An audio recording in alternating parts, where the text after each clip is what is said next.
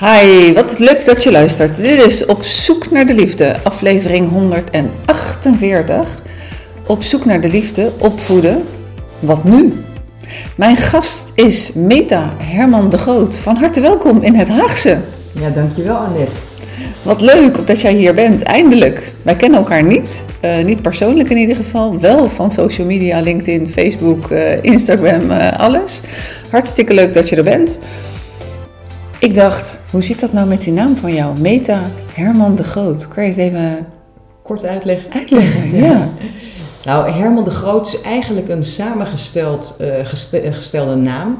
Uh, er was ooit een familie Herman en er was ook ooit een familie de Groot. En bij de familie Herman ontstond er brand en er bleef één jongen over. En die werd opgenomen door de familie de Groot en uiteindelijk is dat een, uh, een hele naam geworden, Herman de Groot.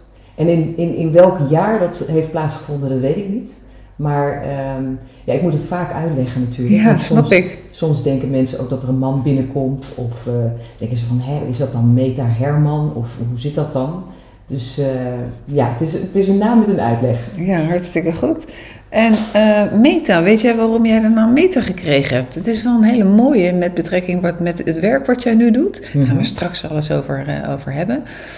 Een metapositie, uh, zoals je naar de, naar de dingen kan kijken. Maar waarom heb jij de naam Meta gekregen? Ja, dat is een goede vraag. En dat zou ik toch nog eens even aan mijn ouders moeten vragen. Want ja, ze hebben ooit een uitleg gegeven en ja, die ben ik gewoon kwijt. Geen idee.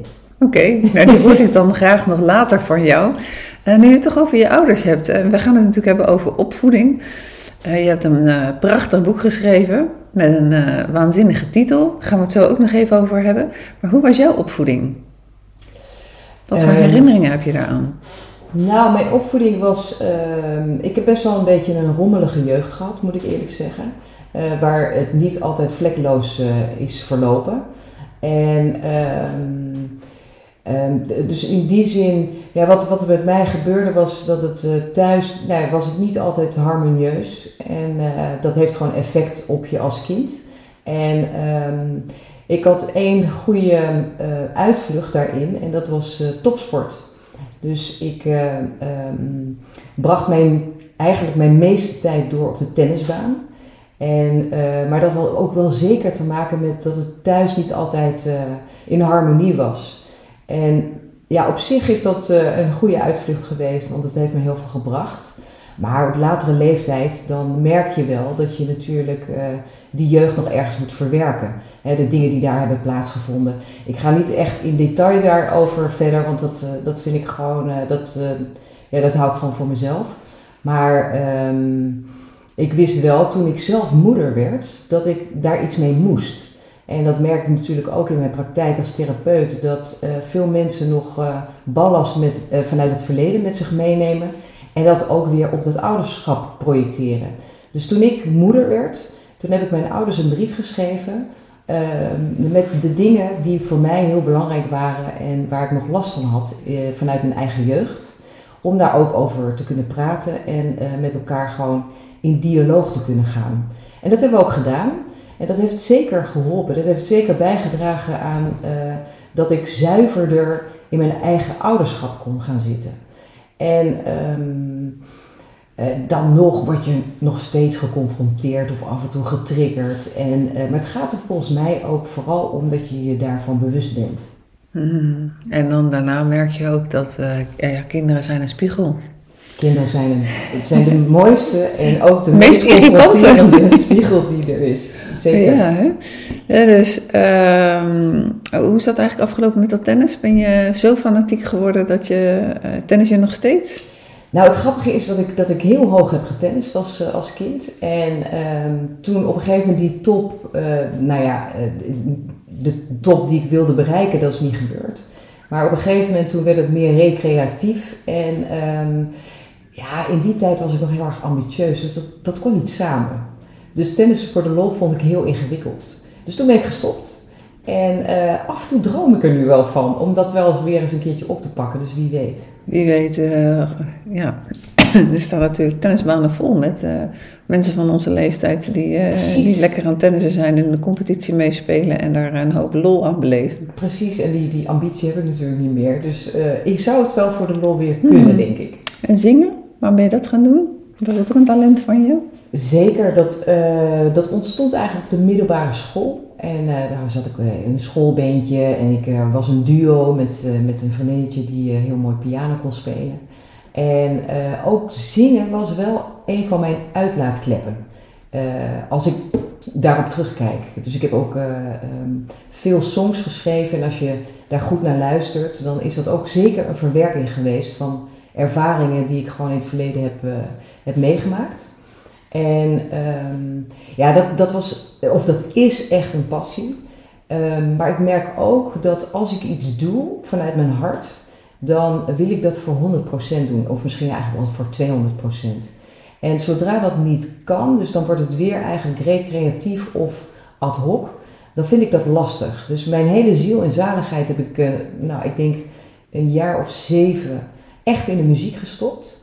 Nou, en op een gegeven moment uh, moest ik toch ook mijn tijd besteden aan andere dingen. En uh, ja, dan ebt dat gewoon weg. En op zich, uh, ik weet nog wel dat ik uh, een tijd lang had ik zo'n twee keer per jaar had ik echt heimwee naar de muziek. En dan ging ik echt de hele avond ging ik muziek drinken met een fles wijn erbij. En dat was Je zegt muziek drinken? Was, was muziek, wijn drinken met, met muziek erbij. of muziek luisteren met wijn erbij.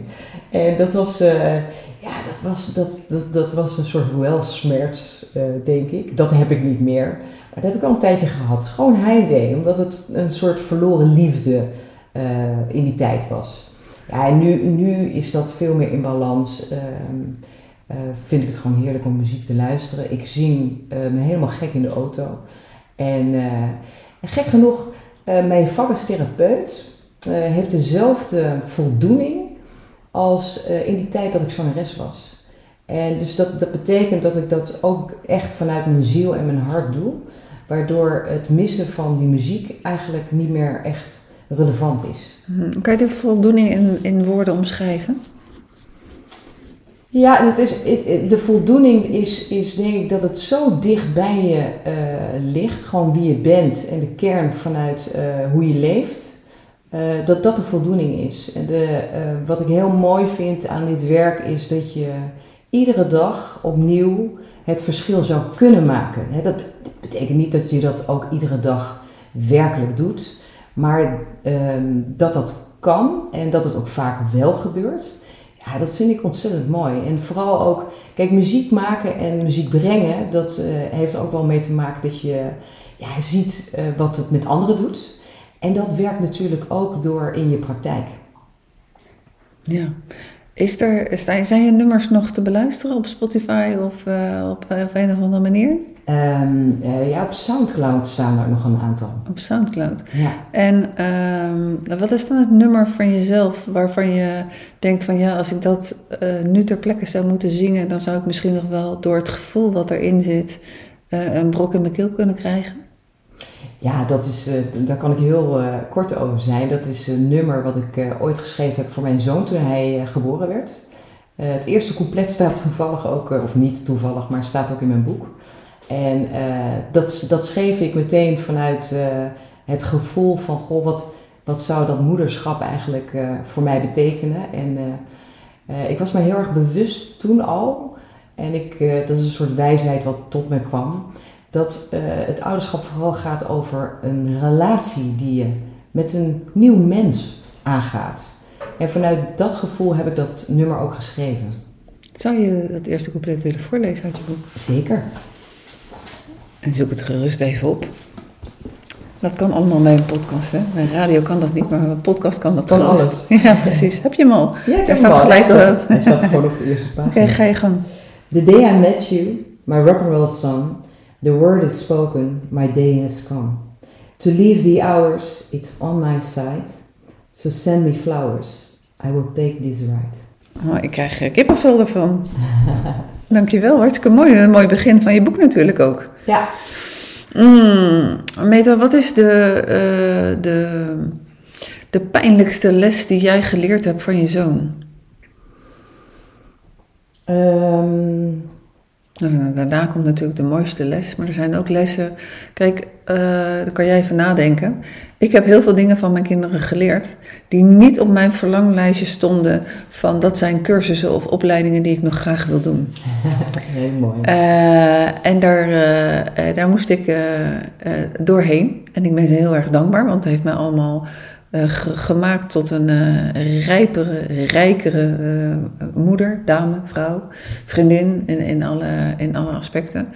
Maar ik, ja, ik, ik zat er niet altijd op te wachten. Wat heb jij? Nou, de, de pijnlijkste les is dat je toch, zeker als kinderen in de puberteit zitten, um, kunnen ze heel confronterend zijn. En ook zo nu en dan afwijzend. En uh, wat ik merkte is dat afwijzing is gewoon heel pijnlijk. En dat raakte mij ook best wel heel erg diep. En dus dat betekende ook dat daar nog wel een soort trigger zat waar ik iets mee moest. Hmm. Dus dat, dat kinderen je natuurlijk altijd op een heel diep niveau kunnen raken, waar ook nog misschien wel onverwerkte pijn zit. Um, ja, dat, dat is wel de pijnlijkste les die ik heb geleerd. Um, wat ik ook wel een hele mooie vind is, ik was eigenlijk niet zo heel erg goed in het uh, praten over emoties. Dat heb ik echt moeten leren samen met mijn kind. Um, kinderen die kunnen dat in eerste instantie, ja, als ze jong zijn, dan praten ze vrij um, open over emoties, want dat gaat eigenlijk zonder rem. Maar als ze in de puberteit komen, dan gaat er een soort rem op. En, ja, het wordt wel afgeleerd om uh, gevoelig te zijn. Ook dat, zeker. Hè, dus, op school en uh, binnen de maatschappij, absoluut. En daarom is het zo belangrijk dat je dat als ouders natuurlijk wel blijft doen. Maar als je dat zelf heel lastig vindt, ja, dan, dan, dan wordt dat een. Um, ja, dan wordt het soms heel erg ingewikkeld. Terwijl het is zo belangrijk. Uh, dus dat, dat is wel een les die ik, uh, ja, waar ik heel blij mee ben. Dat, dat we dat aangegaan zijn samen. Ik in eerste instantie uh, naar hem toe. Maar dat ik dat ook bewust heb gedaan om zelf daar ook vooral van te leren. Hmm. Je zegt van op school wordt het afgeleerd. Dan wil ik hem even nuanceren. Vriendjes en vriendinnetjes die kunnen het afleren. Ik, geef, ik sta nog twee dagen voor de klas. Geef ik het vak persoonlijke vorming. Super leuk om te doen. Uh, onlangs een testje gedaan ook over, toen vroeg ik van wie van de kinderen, dan heb ik het over zes klassen en ik heb halve klassen, dus dat was op die dag halve klassen. Dus dan heb je het over klassen van 15 leerlingen, zes keer. Wie van die kinderen hebben hun ouders, uh, hebben hun vader wel eens zien huilen? Dat waren vier kinderen uit één klas, de rest allemaal niet. Welke, hoeveel kinderen hebben hun ouders of hun moeder wel zien huilen? Allemaal. Uh, dan moet ik wel zeggen, het is een school met uh, meer dan 60 nationaliteiten. Uh, hoe ga je dan om met emoties? Hè? Vooral de jongens? Ja, niet. Ja. Dus het tonen van emoties, het over praten.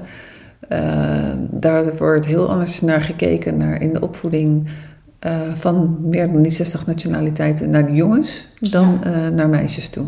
Ja. Ja, en, wat ik, wat ik, wat ik daar, daar nog wel over zou willen zeggen is. Um, kijk, emoties tonen is heel belangrijk. Ook je kwetsbaar opstellen als ouders is heel belangrijk. Want dan, dat is meteen de poort naar de kwetsbaarheid van een kind. Um, maar wat ik ook wel tegenkom in mijn praktijk is dat um, uh, kinderen op een gegeven moment een beetje bang van de tranen van hun moeder worden, omdat het te veel is dus daar, daar zit natuurlijk altijd een, een uh, daar moet een goede balans in, in zitten. welke emotie laat je op welk moment zien? En uh, wat uh, hoor je een beetje bij je te houden? En vooral bijvoorbeeld als je te maken hebt met scheiding, um, dan kan het nog best wel eens zo zijn. Laatst had ik trouwens wel een vader die zijn emoties niet kon managen, dus bij ieder moment eigenlijk zat te huilen. Ja, dat vonden die kinderen ook echt afschuwelijk en ingewikkeld. Ja, Daar schamen ze zich voor. Zeker, ja. Ja, dus dat, dat is het lastige. Uh, als je als ouder wel je emotie laat zien, maar het, het is te too much. Want dan, dan gaan de kinderen het dragen en dat willen ze niet. Precies. Hoe moeten ze daar dan mee omgaan? Uh, dus het is ook niet makkelijk uh, opvoeden. Nee, ehm, opvoeden is de moeilijkste taak in het leven. En eigenlijk is het raar dat je daar niet voor naar school moet, hè? Ja. Iedereen kan maar gewoon zo aan kinderen beginnen. Ja. Nou, wat ik, wat ik, eh, dat schrijf ik ook wel in mijn boek. Ik, de, waar, waar ik heel graag naartoe zou willen, is dat mensen die voordat ze kinderen krijgen, genoeg systemisch werk hebben gedaan met zichzelf. Dus dat je echt weet, wat is mijn eigen biografie? He, want die neem je mee in het ouderschap. En die zorgt er ook voor dat er uh, nou, af en toe behoorlijk frictie kan uh, ontstaan tussen de relatie ouder-kind. En um, ik denk dat het zo belangrijk is dat mensen heel bewust naar zichzelf eerst kijken. Van wat is mijn verhaal nou eigenlijk? En welke ervaringen, welke eigenschappen, welke patronen dreig ik mee te nemen als ik zelf ouder word? Precies, hè? je hebt je eigen stenen op te ruimen, want anders dan struikelen je kinderen erover. Dat zijn hele mooie systemische uitspraken. Niet van mij, maar uh, beter goed gepikt dan slecht verzonnen. Vind ik ook. Dus, uh, dus dat, dat is in feite wat je zegt. Hè? Van, uh, wees je bewust, hè? wat zit er allemaal in je rugzak? En ruim je eigen shit op, want zo niet, dan geef je het door aan, aan je kinderen. Ja. Maar het is niet zo'n feest dat iedereen zich dat bewust is. En al ben je het je bewust, dan is het natuurlijk nog de vraag om daarnaar te handelen. Ja, ja precies. Ja, ja.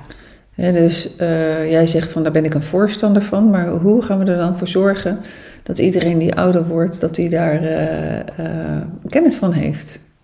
Ja, door, door dat veel meer ook als normaal te zien. Hè, Persoonlijke ontwikkeling.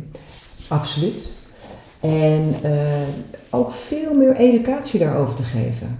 Dus wat, wat betekent systemisch werk nou eigenlijk? En wat bedoelen we daarmee? En uh, hoe doe je dat? En waar, waar kan ik daarvoor uh, terecht?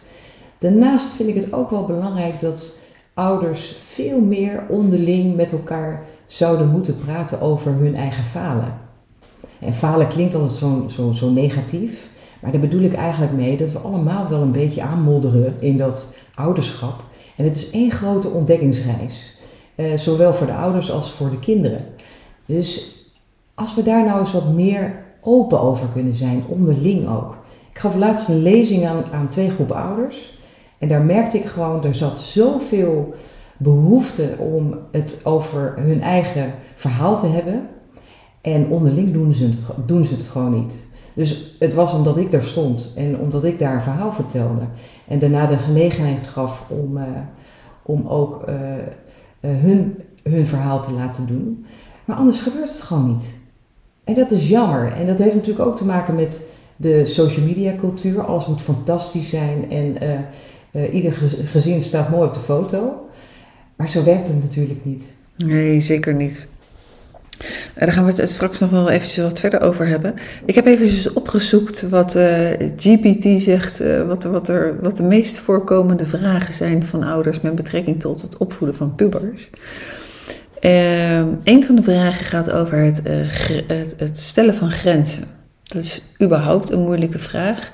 Ik denk dat ook volwassenen soms niet altijd even goed weten hoe ze om moeten gaan met het stellen van hun eigen grenzen. Um, hoe ga je pubers grenzen stellen? Uh, en dan moet ik je erbij zeggen, Meta, in mijn perceptie, en ik weet niet of je die deelt, uh, zie ik een ontwikkeling. En zeker, uh, ik werk natuurlijk veel met samengestelde gezinnen, veel met ontrouw, dan worden dat ook halve gezinnen. Soms, en soms hebben ze mensen een doorstart. Um, en nou ben ik gewoon helemaal Grenzen stellen. Grenzen stellen, ja, nee, dat, dat, dat, weet ik nog. Maar wat ik wilde zeggen, dat ze zelf niet die grens kunnen, kunnen vasthouden. Ja, dat er een soort trend is. Je, je ja, heel goed, trend. Dat, uh, dat de ouders van nu vaak een angst hebben, zeker na een scheiding, van straks raak ik mijn kind kwijt, om niet op die ouderplek te gaan staan, maar meer naast het kind als vriend of vriendin. En dan kom je direct in de knoop met het stellen van grenzen. Hoe kijk jij daarnaar? Ja, daar ben ik het helemaal mee eens. Uh, die angst voor het verlies van, van, van kinderen is, uh, uh, vind ik ook echt een beangstigende ontwikkeling. En wat je merkt is inderdaad dat kinderen eigenlijk een bepaalde vorm van veiligheid missen op dat moment. Want er is niets veiligers dan een ouder die heel goed een kind kan begrenzen. En dat bedoel ik echt op een gezonde manier. En uh, zoals ik begrenzing zie, is het is een tango van kaders uh, zetten, vertrouwen geven en ehm, de mate van verantwoordelijkheid wat een kind aan kan. En als dat goed in balans is, dan zul je merken dat kinderen ook heel ehm, zelfverzekerd opgroeien. Hè? Want ze krijgen dat vertrouwen, of ze mogen dat vertrouwen ehm, eh, krijgen en ze mogen dat, die verantwoordelijkheid ontwikkelen. En daar groeit je eigenwaarde van. Dus zodra dat ontbreekt vanuit de angst van een ouder, dan zul je merken dat een kind ook eigenlijk best wel angstig op, opgroeit. En te weinig vertrouwen in zichzelf en de omgeving heeft. Dus ik vind dat, uh, ik zie die trend ook. En dat is zorgelijk. En hoe we daar um, als maatschappij mee om zouden moeten gaan, dat vind ik echt nog een uh, hele grote vraag. Ja, en dan hebben we het vooral ook over het stukje van hoe ouders met elkaar omgaan na een scheiding. Ja. Ik zeg ook altijd, uh, een, een, vechtscheiding. Uh, kijk, een scheiding is sowieso een trauma voor een kind. Uh, maar een vechtscheiding is tegelijkertijd ook een bommetje onder, onder je volgende relatie. omdat de kinderen daarin meegenomen worden. En die worden dan, ja, die gaan exploderen ergens in een volgende relatie. Omdat er niet goed genoeg naar ze geluisterd is. Ja. Maar hoe kunnen we dan. We, kijk, hoe gaan we daarmee om? Nou, hoe krijgen we want het gaat over zo ontzettend veel mensen die gescheiden zijn en die daarna uh, niet meer goed weten hoe ze in die oude rol moeten, hoe ze beslissingen durven nemen vanuit uh, liefde, vertrouwen, acceptatie en overgave, maar ook ik ben de ouder en jij bent het kind. Ja, ik noem dat altijd het liefdevolle gezag. Precies, mooi woord ervoor. Uh, hoe Kijk, hoe krijg je die ouder in zijn eigen kracht weer terug zonder die angst? Uh, en op zich denk ik dat lukt vaak ook wel heel erg goed. Uh, mits niet de andere partij uh, helemaal tegenwerkt. En dan bedoel ik als, als, uh, als, als jij of ik met een vader spreekt en de moeder wil eigenlijk niet vanuit eigen behoefte dat het kind naar, het naar de vader toe gaat. dus die heb je natuurlijk niet in, in de invloedssfeer. Ja. Ja, wat, ik, wat ik merk, uh, kijk, het gaat vaak over vaders. Uh, al moet ik zeggen dat ik ook best wel behoorlijk wat moeders uh, begeleid in dit proces. Maar als we even kijken naar het, de vader, wat ik vaak merk is dat de vader automatisch een enorm ontzag heeft voor de moeder. En dat komt puur omdat de moeder het kind heeft gebaard. En dat is ook een klus. Dat is een enorm en gedragen. En, uh, en, en dit is misschien een, eh, een, eh, een uitspraak waar je even over na moet denken. Maar we moeten ook niet vergeten, de vader komt ook uit een vrouw. Dus daar zit een onbewust, enorm natuurlijk ontzag voor de vrouw en de moeder. En ik denk dat we dat veel meer in perspectief moeten plaatsen. We moeten het benoemen naar vaders, want ze zijn zich daar nooit van bewust. Maar het speelt wel een grote rol op de achtergrond. En uh, dus het is heel belangrijk dat vaders weten hoe belangrijk ze zijn in hun ouderrol voor het kind. En kinderen die hebben gewoon die vader nodig. En wat ik altijd zeg, vooral in de puberteit is het heel belangrijk. En dat komt omdat uh, de moeders zijn toch vaak, en dat is heel klassiek, maar toch in de praktijk zie ik dat nog steeds uh, voorbij komen, is dat moeders zijn toch wat meer van de binnenwereld en de vaders wat meer van de buitenwereld. En dat is een hele mooie balans. En daarom is het zo belangrijk dat, ze, hè, dat kinderen die beide uh, vaardigheden ook gewoon um, uh, mogen ervaren. Nou, dat is een, een hele mooie. en dan gaan we terug naar het stellen van grenzen. Mm, wat geef jij de ouders mee over het stellen van grenzen? Van hoe kan je het best een grens stellen? Je zei het net al toen straks een beetje, maar als we hem even samenvatten. Nou, dat, uh, grenzen stellen, uh, dat uh, gaat altijd samen dus met vertrouwen en de verantwoordelijkheid wat een kind aan kan. Dus kijk eerst naar het, goed naar het kind, hè, want ieder kind heeft een andere benadering nodig. Ieder kind is uniek. Dus dat betekent dat je heel goed naar je kind moet kijken van wat kan mijn kind op dit moment in deze levensfase aan. En vanuit daar geef je die, dat vertrouwen En vanuit daar bepaal je het speelveld. En dat speelveld wordt steeds een stukje groter. En soms gaat een kind over uh, die kader heen en dat is prima, want uh, kinderen zijn ontdekkingsreizigers en uh, die vrijheid moeten ze ook ervaren. Nou, dan ga je met elkaar in gesprek van oké, het, het is niet helemaal gelukt. Hoe kunnen we dit weer, op, weer in balans krijgen? Mm -hmm. Dus het is natuurlijk, hè, die tango, daar bedoel ik mee dat je het samen doet. En je stelt niet als, als ouder in je eentje die grenzen. Nee, dat moet je echt samen met je kind doen. Ja, dus het is uh, in, in, in transactionele analyse termen gesproken. Je gaat niet vanuit de voedende ouder, niet vanuit de kritische ouder, maar je gaat vanuit de volwassen positie in, in de groeidriehoek het gesprek aan met je kind. Exact. Uh, dit is trouwens de, de volwassen positie, uh, is ook de enige positie die in het hier en nu staat. Precies, hè? De, enige, de enige positie waarbij je allebei het gevoel hebt, dit was een goed gesprek. Precies. Andere gesprekken niet. Uh, we leven in een tijd, het is nu 2023, want zo'n podcast kan jaren later nog, nog beluisterd worden. Uh, waarbij we een aantal, het is alweer enige tijd geleden met, met de lockdowns en dat kinderen niet naar school kwamen. op school merken wij dit nog steeds. ik ken de cijfers niet, hè, maar het is wel aangetoond dat de emotionele pijnen, depressies en, en angsten hoger zijn bij, bij kinderen. Ze zijn wat individueler. Ze weten in een klas, op een school, wat minder hoe ze zich sociaal moeten gedragen. Klopt. Mm, merk je dat ook in je praktijk? Jazeker. En um, dat zijn ook hele mooie gesprekken. Dat klinkt misschien raar, want de, de, de, de uitkomst is natuurlijk heel pijnlijk. Maar de gesprekken die ik met jongeren heb over dit onderwerp uh, zijn heel um, treffend. Uh, wat, wat je natuurlijk merkt is dat zowel pubers als jongeren, die zijn net op het punt om zichzelf te ontdekken in hun eigen identiteit. Hoe verhoud ik me tot de ander en de ander tot mij? En als daar een pauze in komt van een lange tijd, lange periode, dan, um, dan raak je ontwend. Hoe, hoe moet dit eigenlijk? En dan sla je zomaar twee jaar over in die ontwikkeling. En dat is heel, heel veel. Dus um, kinderen worstelen daar enorm mee. En wat ik hen weer leer is om zich weer opnieuw te verhouden tot de ander, tot de buitenwereld. En vooral ook tot zichzelf. wie ben ik en hoe, hoe kom ik eigenlijk over? Hoe ziet de buitenwereld mij? Mm. Um, maar daar worstelen heel veel kinderen mee, zeker. Ja, daar zijn we ook nog niet 1, 2, 3 mee, uh, mee klaar. Uh, een, een vraag ook die veel gesteld wordt van hoe communiceer ik met mijn, met, met mijn uh, opstandige puber?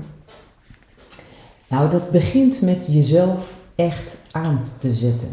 Wat vaak gebeurt is dat ouders uh, dan stellen sprong dat gesprek aan willen uh, zonder eerst in te zoomen op zichzelf.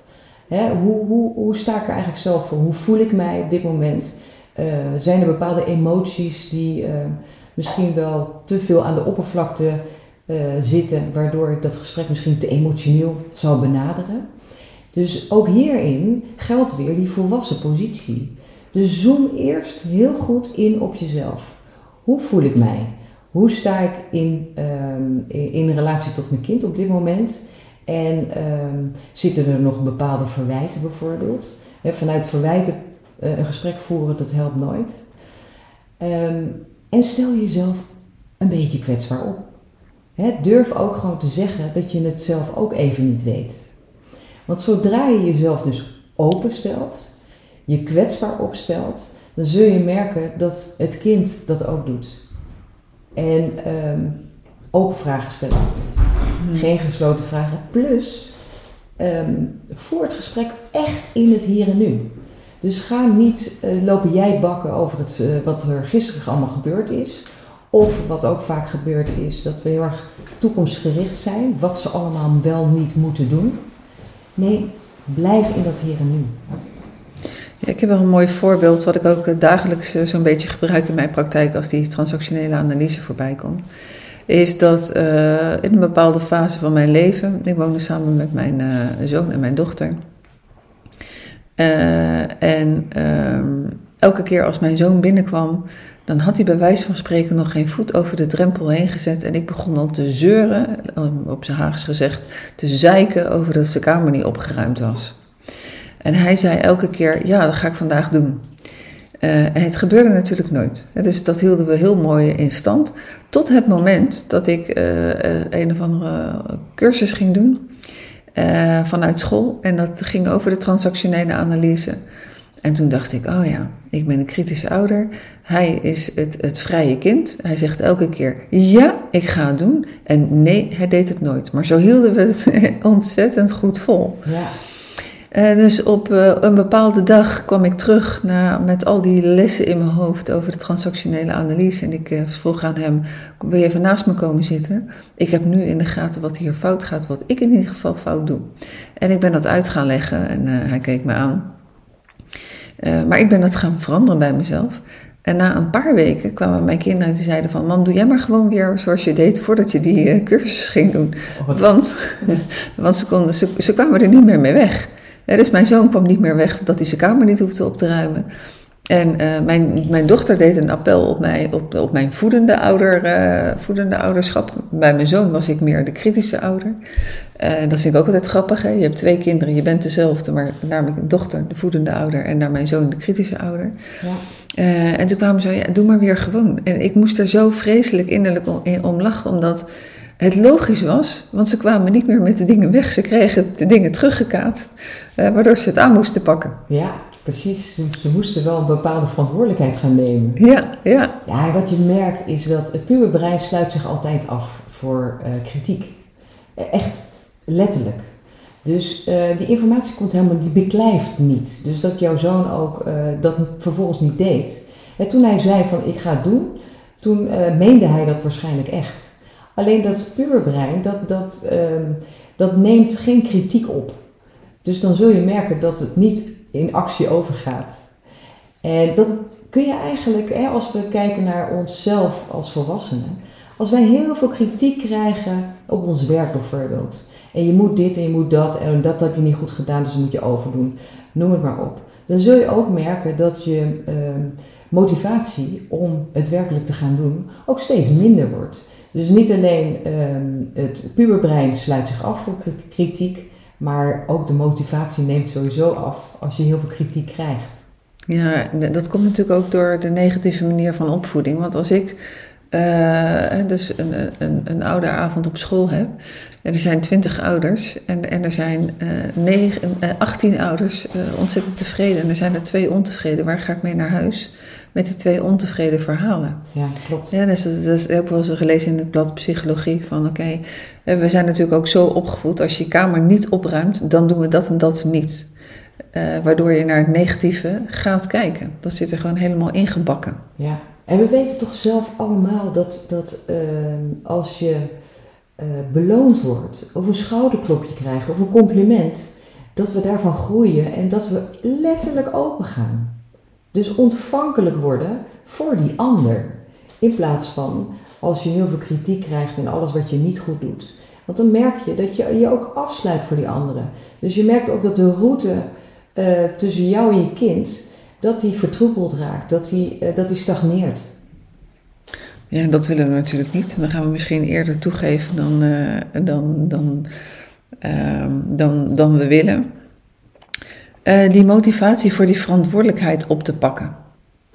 Dat is een veelgestelde vraag. Uh, uh, hoe kan je je kind het beste motiveren om bepaalde zaken op te pakken? door in ieder geval op die manier in dialoog te gaan dat het kind zelf voelt dat het verantwoordelijkheid moet dragen. Hè, bijvoorbeeld, ehm, nou, ik heb um, nu bijvoorbeeld een meisje in de, in de praktijk en die wil een bepaalde studie doen. En die vader die, uh, die vindt dat uh, spannend. Hij vindt het heel erg leuk, en, maar hij vindt het ook spannend omdat hij denkt, ja, ik weet niet of, of ze het gaat redden. Dus die, uh, die heeft ook wel een, plan B. En dat meisje vindt dat heel vervelend, want die heeft zoiets van nee, dit is wat ik wil doen. En um, als je merkt dat, dat, eh, dat je iets, iets wil of eh, dat je ook een bepaalde angst. Vaak is het ook zo dat ehm, ouders dan vanuit hun eigen angst praten. Hè? Dus als je een bepaalde verantwoordelijkheid bij je kind wil neerleggen, dan zou je je eigen angst in de ijskast moeten zetten. Hè, die mag niet bestaan, want dan heeft het, eh, heeft het kind het vertrouwen niet. Dus in plaats van dat die vader een plan B zou moeten zoeken, zou hij in gesprek moeten gaan met haar, eh, zijn dochter om te kijken van oké, jij wil dat heel graag, maar uh, wat zijn je motieven? En welke verantwoordelijkheid uh, ga jij dragen om ook die route naar die studie toe ook te kunnen nemen? En dan zul je merken dat het, een ouder wil altijd gerustgesteld worden. Dat is volgens mij echt een soort basis waar iedere ouder toch een beetje last van heeft. Want we willen namelijk dat onze kinderen goed terechtkomen. Dus, maar die geruststelling, die zit in jezelf. En die kun je alleen maar uh, bewerkstelligen als je van je kind te horen krijgt dat het verantwoordelijkheid kan dragen. En uh, dat het ook bepaalde, uh, een bepaald vertrouwen teruggeeft. Maar dat kan alleen maar als je het eerst als ouder aan je kind geeft. Dus uh, ik weet nog wel bij mezelf, als ik uh, kijk naar mijn, uh, mijn zoon bijvoorbeeld, die liep altijd een beetje te misbakken op de middelbare school. En ieder jaar was het weer echt, nou gaat hij over of niet. En ik zat daar bovenop, echt heel bloed irritant achteraf. En mijn zoon zei op een gegeven moment van, mam, ik wil dat je echt helemaal niets meer doet. Ik wil niet dat je in het magister kijkt. Ik wil niet meer dat je naar mijn cijfers vraagt als je, als je niet in het magister kijkt. Ik wil dat je uh, me loslaat. En toen uh, kon ik niet anders, want hij was zo overtuigd van zichzelf: van als je me loslaat, dan, dan komt het goed. Komt goed, ja. Dus toen heb ik uh, overdrachtelijk heb ik hem een zak met 100% vertrouwen gegeven. Dus dat hebben we symbolisch ook zo gedaan. En ehm, dan moet je het ook als ouder loslaten. Als ik dan toch nog stiekem in het magister was gaan kijken, dan had het niet gewerkt. Nee. Dus het heeft ook heel erg met loslaten te maken. En ehm, sindsdien ging het dus veel beter. En hoefde ik mij totaal geen zorgen te maken over of die wel of niet over zou gaan. Dus ehm, ja, loslaten is gewoon echt wel een codewoord die, uh, uh, waar heel veel ouders natuurlijk moeite mee hebben. En dat heeft weer te maken met ik wil gerustgesteld worden. Mm, en misschien nog wel met een stukje eigen jeugd. Ik zal je een verhaal vertellen wat totaal tegenovergesteld is. Toen ik 18 was, kreeg ik de kans om op Mallorca te gaan werken als kinderhostess in een animatieteam. Nou, ik dacht, geweldig, wat een kans is dat. Hup, uh, ik geloof dat ik, uh, ik, ik ging dat jaar, ik was klaar met de HAVO en ik ging naar de Pedagogische Academie om juf te worden. En ik had daar ontzettend veel zin in. We waren daar dat jaar daarvoor en uh, mijn moeder was erbij. Uh, en die vond dat ook helemaal leuk. En toen zei ze, nou, wat je, wat je goed kan doen, is dat je, naar, dat je Spaans gaat leren. Nou, dat was een gouden tip. Ik ben naast mijn eindexamen HAVO heb ik MAVO Spaans gedaan. Daarna ook nog wel HAVO Spaans. Spaans is heel belangrijk geworden voor mij en, en voor de rest van mijn toekomst. Maar dat was op dat moment nog niet duidelijk. Uh, dus zij gaf mij de goede tip om dat Spaans te gaan leren. Toen kwam het moment van het gaan kopen van de tickets. En toen zei ze, mijn ouders waren gescheiden toen ik vier was, maar ze zei, ja, je vader en ik hebben overlegd. Uh, we kopen twee tickets, want ik ga met je mee. dat was niet funny op dat moment, helemaal niet. Ik was ongelooflijk boos, ik wilde dat niet. Ja. Uit woede heb ik tijdens die zes weken uh, alleen maar mijn moeder gedag gezegd als ik niet om daarheen kon lopen. Uh, want ik vond dat vreselijk. Ik was er echt aan toe om uit te vliegen. Om vanaf uh, Palma de Mallorca een taxi te nemen naar Callas de Mallorca, want zo heette dat plaatsje. Ik zag dat wel helemaal voor me, maar ze ging mee. Ik kreeg een appartement van, van het hotel en zij had een eigen appartement gehuurd. Dus zij zat op tien hoog. Ik zat op één hoog en ze heeft niet in de gaten gehad wat ik allemaal gedaan heb. Um, maar ik was echt aan toe om, om, uh, om uit te vliegen en ik werd op die manier tegengehouden. Ja, dus dat, dat uh, als, als tegenvoorbeeld, dat ja. heb ik heel erg vervelend ervaren. Ja, dat snap ik. En Eh, wat, wat kinderen sowieso heel erg vervelend vinden, is de bezorgdheid van hun ouders. En dan bedoel ik eigenlijk overbezorgdheid. En dat heeft er heel erg mee te maken dat zorgen voor, dat doe je echt voor de ander. En uh, bezorgdheid gaat altijd over jezelf. En dat is gewoon eigen angst. En dat projecteer je op je kind. kind ja. ja. Nu is het zo dat uh, als je verliefd wordt uh, op iemand, je gaat trouwen, ehm, daarna krijg je kinderen, ja of nee. Maar we hebben het nu natuurlijk over opvoeden, dus dan krijg je kinderen. Ehm, dat is op zich al hogere wiskunde. Hoe ga je samen die opvoeding aan? Hoe, hoe weet je dat je daar hetzelfde over denkt? Heb, je heb je dezelfde kernwaarden? Ik las uh, vanochtend op jouw website, jij hebt er vooral drie, de meta-methode. Verantwoordelijkheid, zelfinzicht en, en creativiteit. bij mij horen vooral liefde, vertrouwen, acceptatie en, en overgave. Maar iedereen heeft kernwaarden. Ja, ik heb nooit met de vader van mijn kinderen het gehad over kernwaarden en hoe gaan wij opvoeden. Het, het gebeurde. En ik verwonderde me toen de voordat ik zelf kinderen kreeg, erover dat er zoveel mensen met jonge kinderen uit elkaar gaan. Maar ik ben dat toen gaan begrijpen toen ik zelf jonge kinderen had. Dat ik dacht van ja, maar uh, nu kwam eh, de vader van mijn kinderen uit Zuid-Amerika, dus we hadden toch al over het een en andere, andere gedachten.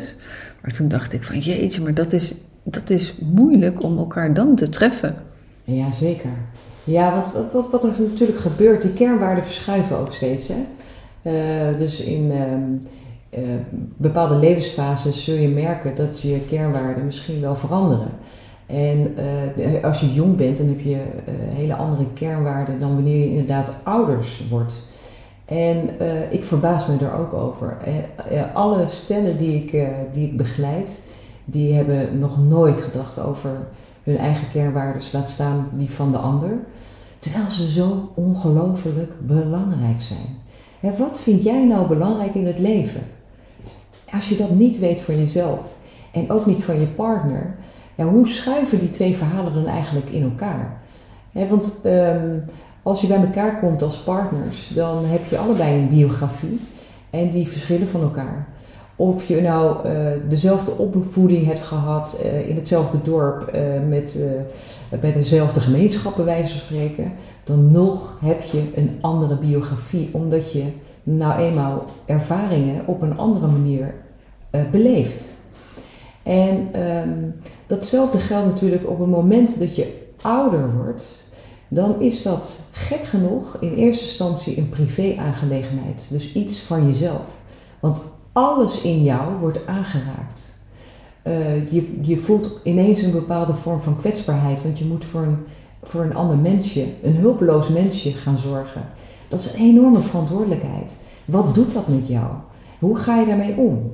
Dus dat, dat kan al ervoor zorgen. Wat ik bijvoorbeeld merk is dat vaders, en die praten daar nooit over met hun partner, uh, die voelen vaak een enorme grote druk. Ik moet nu voor het gezin zorgen. Ook dat is weer een klassieker, maar hij is nog wel heel erg vanuit het uh, oerbrein, uh, is dat nog steeds aanwezig, dat gevoel ik moet nu echt voor het gezin zorgen. En dat, is, uh, dat kan soms echt voor een enorme druk zorgen. Um, en ook soms voor een verwijdering. Want wat er ook gebeurt is dat mensen zoveel van elkaar verwachten zonder dat ze het uitspreken. En dus verwachtingmanagement is ook een hele belangrijke. Dus vanuit die kernwaarden kun je meteen het gesprek voortzetten van ja, wat verwacht ik eigenlijk van mezelf en wat verwacht ik van de ander? En hoe gaan we daarmee om? Mag ik dat verwachten? Kan ik dat verwachten? Kan die ander daaraan voldoen? Of uh, moeten we die verwachtingen bijstellen? Dus zodra je die verwachtingen niet uitspreekt, dan leidt dat tot frustratie en uiteindelijk verwijdering. Ja, en daarbij is het dan ook nog zo van als je terechtkomt in die familie-BV, uh, eh, hoeveel aandacht en quality time kan je dan behouden voor elkaar? Want als je die niet kan behouden, dan raak je elkaar kwijt. Klopt. Klopt, ja, en ik, uh, ik hoor wel eens stellen, of eigenlijk dan uh, een, een van de twee, die mij dan vertelt van, ja, eigenlijk vanaf het moment dat de kinderen geboren werden, was ik niet meer belangrijk. Telde ik echt niet meer mee. ja, dan voel je je behoorlijk buitengesloten. En als, als je je buitengesloten voelt, ja, dan ga je je langzaam ook terugtrekken. Ja, en, en als je daar niet waakzaam op bent of niet snel genoeg met elkaar in dialoog gaat of hulp zoekt, ja, dan, dan, is, het, uh, dan is het gedoemd om te mislukken. Ja, precies. Hè? Want dan, en dan kom je ook al aan de tekorten, want voor een goede relatie uh, wordt er dan geadviseerd dat je minimaal een half uur per dag met elkaar in contact bent en een dagdeel per week. Nou, als je overspoeld wordt uh, door de familie BV, uh, je raakt elkaar kwijt en je hebt ook geen goede gesprekken meer en je spreekt die verwachtingen niet uit, je zit niet op één lijn met de opvoeding, ja, dan is het een glijdende schaal naar, naar, naar afscheid nemen van elkaar. Ja, en ik denk ook dat, ehm, ik vind gunnen ook zo'n belangrijke in het ouderschap want um, um, we moeten het allemaal leren. En daar is een moeder of een vader niet. Uh, dat is, het is geen competitie. Het is geen wedstrijd. Dus probeer echt naast elkaar te blijven staan in plaats van tegenover elkaar. En gun elkaar ook het proces. Gun dat groeiproces en die relatie met het kind. Want dat is een ontdekkingsreis.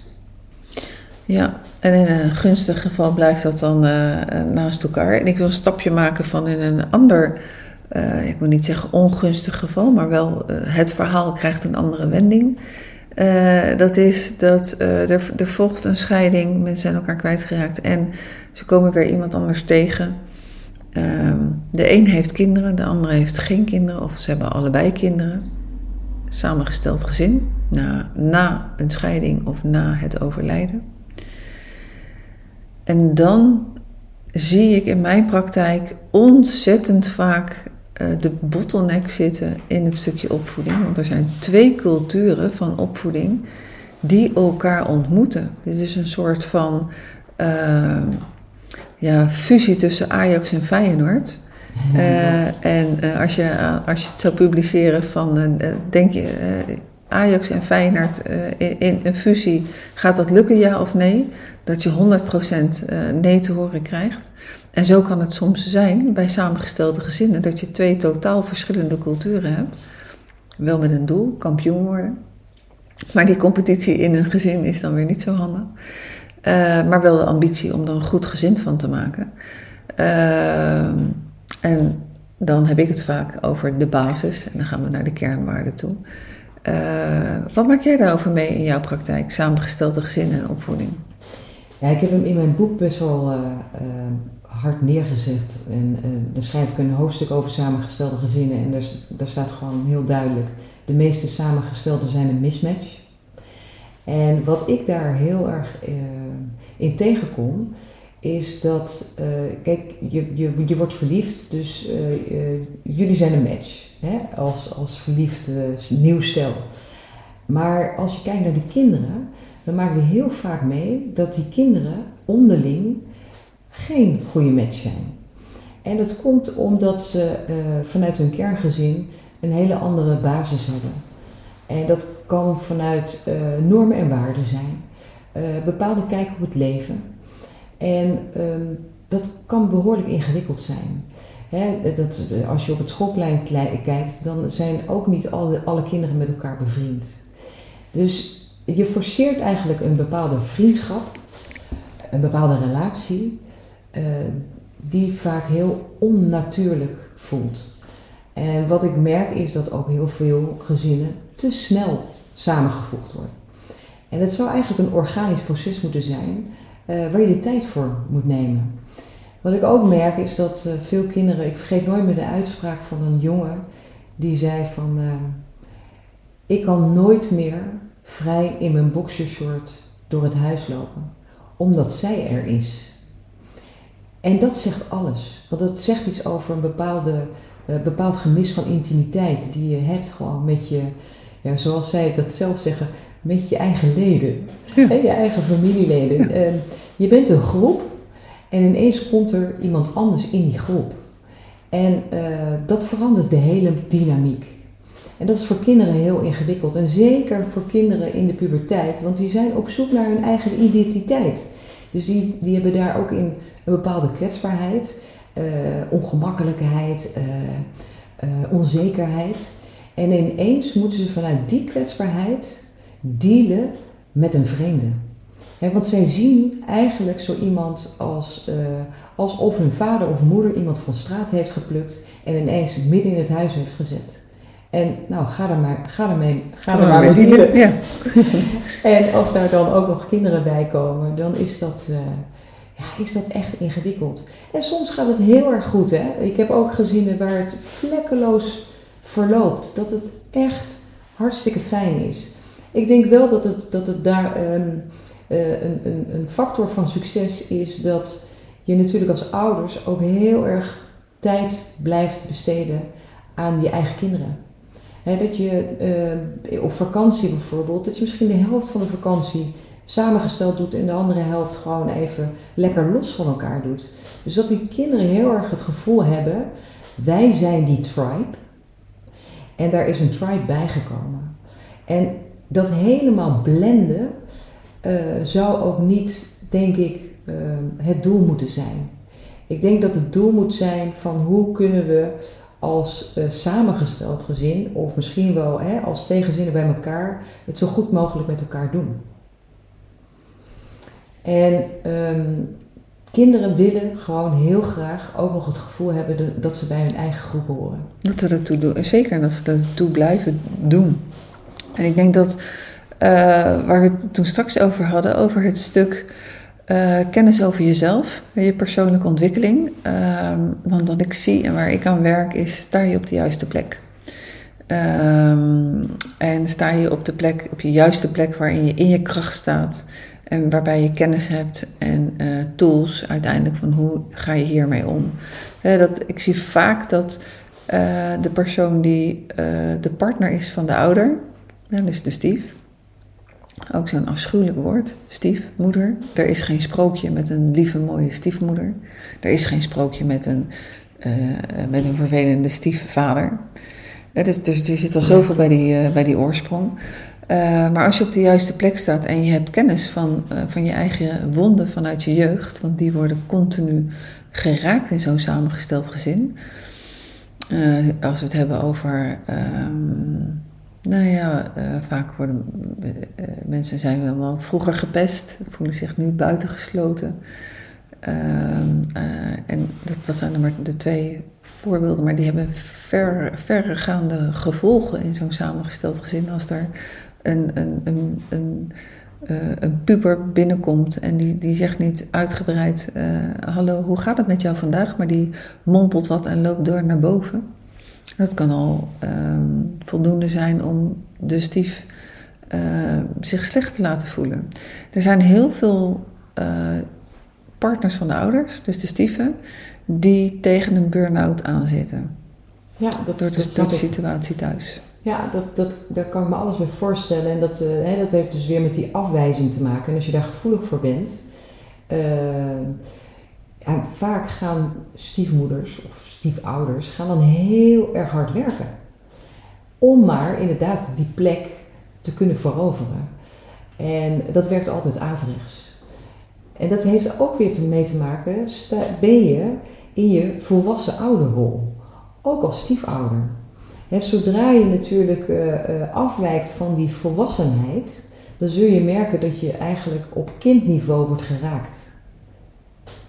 En dan um, zal alles je raken.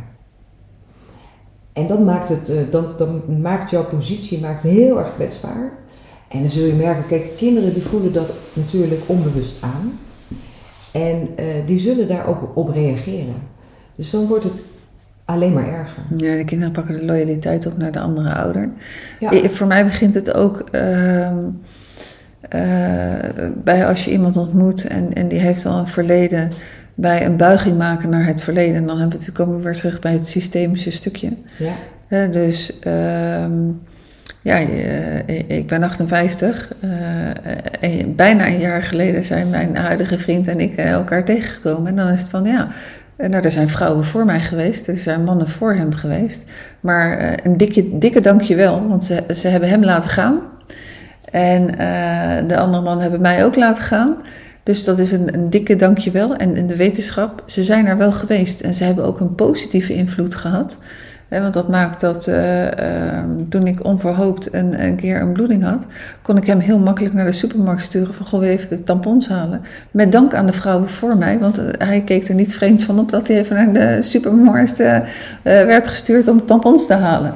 Dus dan is het met heel veel zaken is het een dikke dankjewel aan, uh, aan de voorgangers in de lijn van, van, de, van, de, van het verhaal, van de geschiedenis van je, van je nieuwe partner.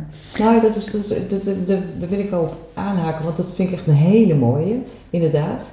En wat je ook merkt bij samengestelde gezinnen is dat uh, de ex-partner eigenlijk uh, toch vaak nog als een bedreiging wordt gezien, omdat het de moeder of vader van de kinderen is. Precies.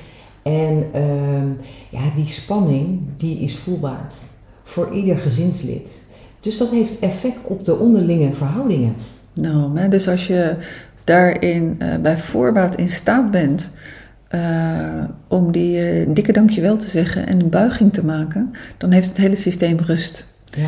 Maar wat er gebeurt in de praktijk, dan zie je heel vaak dat, nou, als we het hebben over, wij, wij zijn twee vrouwen, dus dat is even vanuit uit onszelf praten, dat, dat je een, een man ontmoet en die heeft een gekleurd verhaal over zijn ex. Ze zijn natuurlijk niet voor niks uit elkaar gegaan. Als je daarvoor gaat staan, als je het gaat opnemen voor je man, dan, dan, uh, en je gaat je ergeren aan, uh, aan de moeder van, van de kinderen, uh, dan gooi je die ergernis ook al het systeem in. Dan komen de kinderen met een loyaliteit voor die moeder. Dan heb je al gewoon een hele valse start. Ja. Dus als je in staat bent om los van uh, de scheiding en wat de man zelf zegt over zijn ex-vrouw. Om te zeggen van ja, maar jullie zijn ooit uh, toch getrouwd, dus er is ooit liefde geweest. Uh, dus ik, ik, maak vanuit mij een, een, een dikke vette buiging en, en ik bedank haar. Dan krijg je al een, een, een hele andere start. Ja, klopt. Anders dan vorm je ook meteen een front ja. naar die andere ouder toe. En het is natuurlijk inderdaad veel mooier om een passief, pacificerende rol te spelen. En uh, niet dat je het gaat cultiveren. Want uh, wat je ook merkt, is, en dat, dat zie ik ook wel terug, is dat die, die vader, hè, als we het even vanuit ons perspectief inderdaad bekijken, dat die vader dan ook steeds bozer wordt op die ex. Ja. Terwijl dat eigenlijk natuurlijk helemaal zijn doel voorbij schiet. Precies, hè? dus door de invloed, terwijl je denkt van ik ga helpen, maar die boosheid wordt groter. Uh, en plus, dan gaat er ook gelijk weer meer rusten op de schouders van de kinderen met die magistrale gedachten en die magistrale werkwijze, want die gaan het dan op willen lossen voor die moeder. En dan is het gelijk weer een bommetje onder, uh, onder relatie van het samengestelde gezin. Ja, en wat ik, wat ik ook merk is, hè, wat ik al eerder zei, uh, mensen gaan te snel samenwonen, wat mij betreft. En je moet niet vergeten dat uh, binnen een jaar weet je nog niet met wie je te maken hebt. Klopt. Dan ken je de ander echt totaal nog niet. En uh, binnen twee jaar trouwens ook niet. En dat kost tijd. En ik zeg heel vaak van als, als mensen dan een nieuwe partner hebben, ga vooral voorlopig niet samenwonen. Geniet van die verliefdheidsperiode. Want zodra je gaat samenwonen, ben je ook weer ouders. Zit je weer in uh, BV-gezin en ben je ook, um, verhoud je jezelf niet alleen als partners, maar ook als, uh, als ouders. En uh, heb je bepaalde verantwoordelijkheden die je ook voelt richting de kinderen van de ander. Dus dat zijn behoorlijk belastende taken die je meteen op je neemt. En waarom zou je dat in die verliefdheidsfase willen? Waarom niet gewoon zo lang mogelijk in die verliefdheid blijven zitten? Door juist elkaar te ontmoeten uh, op de momenten dat het kan. Dan houdt, houdt je relatie ook spannend. En je geeft jezelf gewoon de gelegenheid om elkaar werkelijk beter te leren kennen. Precies, om door die fases heen te gaan van de, van de liefde, fase 1, fase 2, fase 3. En dat je ook eerst eventjes uh, te maken kan krijgen van oké, okay, hoe komen wij hier doorheen? Als je, als je ook uh, na die eerste verliefdheid de dingen gaat zien uh, ja, die wat andere kantjes uh, laten zien van iemand. Ja, eigenlijk zou je bijna willen adviseren van je mag niet samenwonen voordat je je eerste crisis hebt gehad want eigenlijk in een crisis of in een hele goede ruzie, daarin leer je elkaar pas kennen. Mhm. En niet in, eh, op die roze wolk. Ja, dat is mooi, dat is fijn. Maar een crisis zorgt natuurlijk van oké, hoe ben je bijvoorbeeld, uh, wat is je hechtingsstijl, om maar iets te noemen. En hoe ga je om uh, met een conflict. En hoe kom je ook weer bij elkaar na een conflict. Ja. Dat is ontzettend belangrijk. Ja, precies. Daar heb ik ook nog een voorbeeld voor, maar die is niet voor deze podcast. Uh, maar ik ken, hem, uh, ik ken hem uit eigen ervaring van hoe, hoe ik op een, in een bepaalde situatie niet uit een crisis ben gekomen. En hoe dat uiteindelijk als een uh, bom onder die relatie kwam te staan. Ja. En zo werkt het. En dan, ja. als je dan bij elkaar woont, ja, dan, dan, dan ontploft die bom en dan kan je alleen nog maar uit elkaar gaan. Ja. Ehm, ik moet toch mijn klootzakje kwijt. Ja. Wat een roepende titel. Ja. Kan je hem verklaren? Ja, ik kan hem zeker verklaren. Uh, het is een uitspraak van een, van een jongen die ooit in mijn praktijk kwam. En voorafgaand kwamen zijn ouders. En zijn ouders die vertelden ehm, hoe hun kind zich gedroeg thuis. En dat was verre van positief hoe ze dat schetsten. Dus hij was veel boos, agressief, gedroeg zich als een heerser. Um, Um, uh, veel ruziemakend.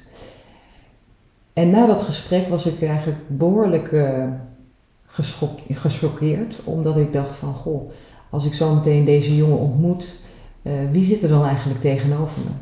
Nou, toen die jongen een week later op mij afstapte, toen zag ik een heel klein ventje met wat brutale ogen, die net boven mijn tafel uitkwam. En uh, wat bleek, het was eigenlijk een heel kwetsbaar boefje, die te maken had met heel veel uh, verbaal geweld thuis. Zijn ouders die maakten ontzettend veel ruzie en daar leed hij enorm onder. En toen ik hem vroeg van, goh, kun je verklaren, hè, waarom denk je dat je ouders zo uh, dat gedrag veroordelen van jou? Hè? Dat, ze, dat ze vinden dat je je zo lelijk gedraagt thuis. En toen zei hij de legendarische woorden: Ik moet toch ook mijn klootzakje kwijt. Wat hij daarmee bedoelde was: zoals mijn ouders zich gedragen, ergens moet ik mij ook laten gelden. Ik wil gehoord en gezien worden. En ik dacht dat dat de manier was, want dat deden mijn ouders ook. En gaandeweg is dat een uh, hele belangrijke uitspraak geworden in mijn praktijk. Want iedereen heeft wel ergens een klootzakje in zich. Uh, omdat we geleid worden door uh, bepaalde emoties die we niet onder controle hebben, door triggers uit het verleden. ons hormonale uurwerk speelt daarin een rol. Um, in relatie tot onze kinderen, dat we aangeraakt worden op misschien wel hele pijnlijke punten en dat we niet altijd daar goed op reageren. Dus dat klootzakje dat huist in ons ieder. En het is heel belangrijk dat we ons daar veel meer van bewust zijn. Zodat je uh, het klootzakje erkent en ook herkent op de momenten dat hij zich wil manifesteren. En ook onze kinderen hebben daar natuurlijk last van. Die hebben ook een klootzakje. En zeker wanneer jij vanuit je eigen klootzakje reageert, dan zul je merken dat kinderen zichzelf ook willen laten gelden.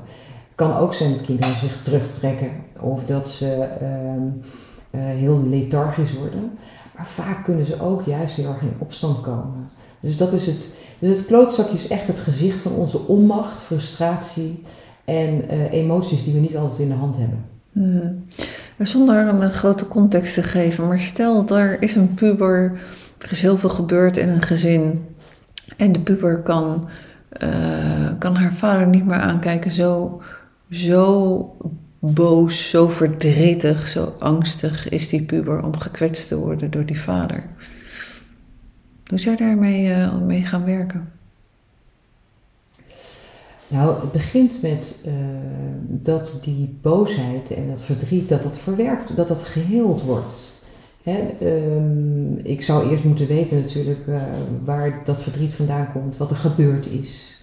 Maar emoties moeten uiteindelijk um, um, ja, moet dat natuurlijk ergens naar buiten kunnen. Kinderen en ook volwassenen moeten uh, van binnen regelmatig opgeschoond worden om weer uh, heel te kunnen zijn. Dus dat verdriet en dat, die boosheid moet verwerkt worden. En vervolgens zou je moeten kijken van goh, um, hoe kan dat contact wel of niet hersteld worden? En soms is dat heel erg moeilijk. Als er zoveel gebeurd is, dan ehm, is soms tijd de beste raadgever. Dus we kunnen soms, ehm, we willen natuurlijk altijd heel graag hè, dat dingen hersteld worden of dat. Ehm, mijn doel is bijna altijd dat kinderen wel in contact blijven met hun ouders. Maar er bestaan ook casussen, uh, verhalen waarin dat even niet kan. En dan, dan is tijd echt het enige wat telt. Dus kinderen hebben ook de gelegenheid en de ruimte nodig om ehm, ja, te kunnen herstellen. Ja, van gebeurtenissen. Zeker, zeker. En ik denk dan ook dat het belangrijk is dat uh, als een kind uh, op het moment uh, daar is om, om te vertellen, of door middel van een brief. eigenlijk wat jij gedaan hebt op wat latere leeftijd naar jouw ouders toe. Ja, van zo ervaar ik het. En dan is het de kunst van de ouders om daarnaar te luisteren. Ja.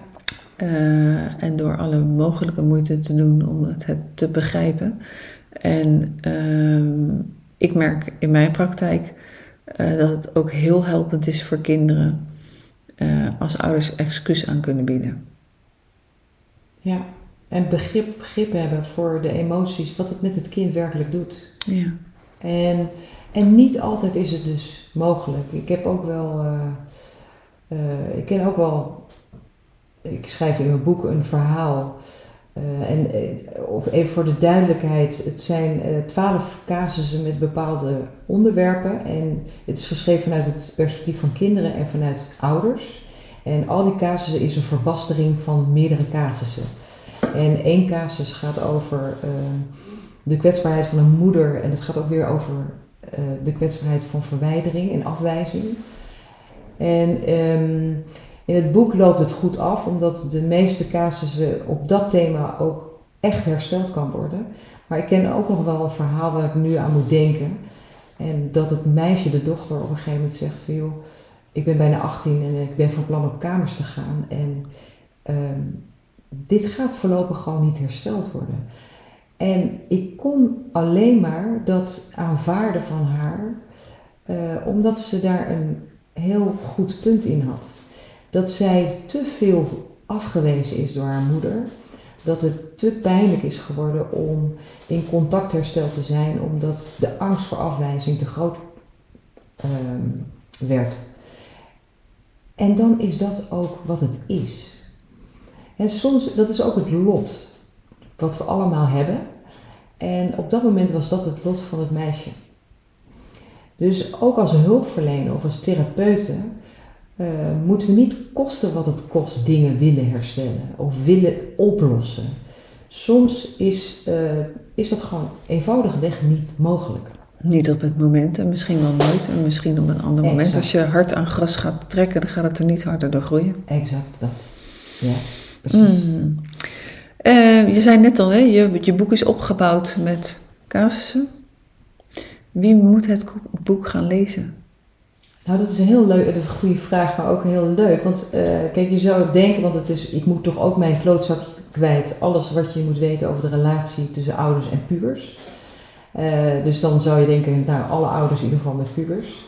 Maar het leuke is dat mijn, uh, degene die uh, vanuit de uitgeverij ook betrokken is bij dit boek, die heeft zelf geen kinderen.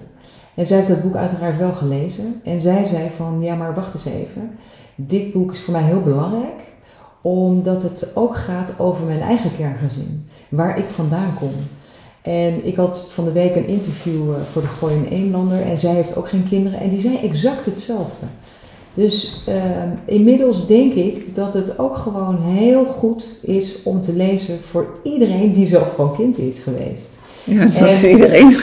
Dat is gewoon iedereen. Je kan niet op aarde komen zonder kind geweest te zijn. Volgens mij niet. Nu nog niet. Nu nog niet, nee. nee. nee dus, dus uh, dat, dat, dat, um, dat, dat is dus zo ontstaan door lezers uh, die dat nu teruggeven. En dat komt ook omdat ik heel erg schrijf vanuit, uh, hè, niet voor niks vanuit het perspectief van de ouders en de, en de kinderen. Dus er zijn zoveel dingen herkenbaar voor iedereen dat het ook heel mooi is. En ik heb trouwens nu ook heel veel opa's en oma's die het boek kopen. Want eh, is het ook geen boek eh, om te lezen als ik kleinkinderen heb? Nou, en daar krijg ik hele mooie feedback op. Dus ehm, eigenlijk, ehm, ik dacht het te schrijven voor ouders met pubers. Maar gaandeweg is uh, gebleken dat het uh, eigenlijk misschien wel voor iedereen heel goed leesbaar is. Ja, dat is dat mooi, mooi cadeau, hè? dat het dan toch nog wel een groter publiek uh, heeft. Zeker. We gaan zo langzamerhand naar, naar de afronding. Welke vraag heb ik je nog niet gesteld en zou je toch heel erg graag antwoord op willen geven? Nou, dat vind ik sowieso een goede vraag. Um, nou, het, het, uh, waarom heb ik dat boek, of voor wie heb ik dat boek geschreven, is dus duidelijk. Um, het doel wat ik uh, heb met dit boek, en dat is uh, gaandeweg tijdens het schrijven ontstaan eigenlijk, is dat ik zo graag wil dat mensen zichzelf herkennen en daardoor dat er ook een bewustzijn ontstaat van dat het oké is als het af en toe niet zo lekker loopt in de relatie tot je kinderen.